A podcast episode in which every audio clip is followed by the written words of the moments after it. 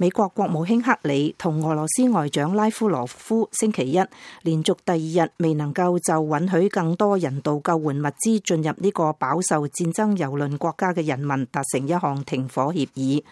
外交官聚集喺中国杭州参加二十国集团领导人峰会。呢个停火协议如果能够达成，作为俄罗斯嘅盟友，叙利亚政府以及由美国支持嘅反叛武装，就要向千百万叙利亚人中需要食物同医疗用品嘅人提供援助。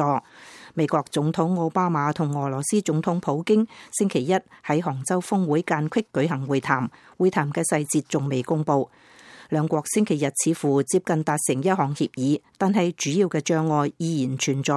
奧巴馬星期日對記者話：，無論係喺支持嘅政黨方面，還係促成叙利亞和平所需要嘅進程方面，美國同俄羅斯人都存在嚴重分歧。美國國務院嘅一位官員話：，俄羅斯喺美國認為雙方都同意嘅一啲領域走回頭路。有報道引述俄羅斯總統普京嘅話表示：，叙利亞衝突只有通過政治途。经先至能够得到解决。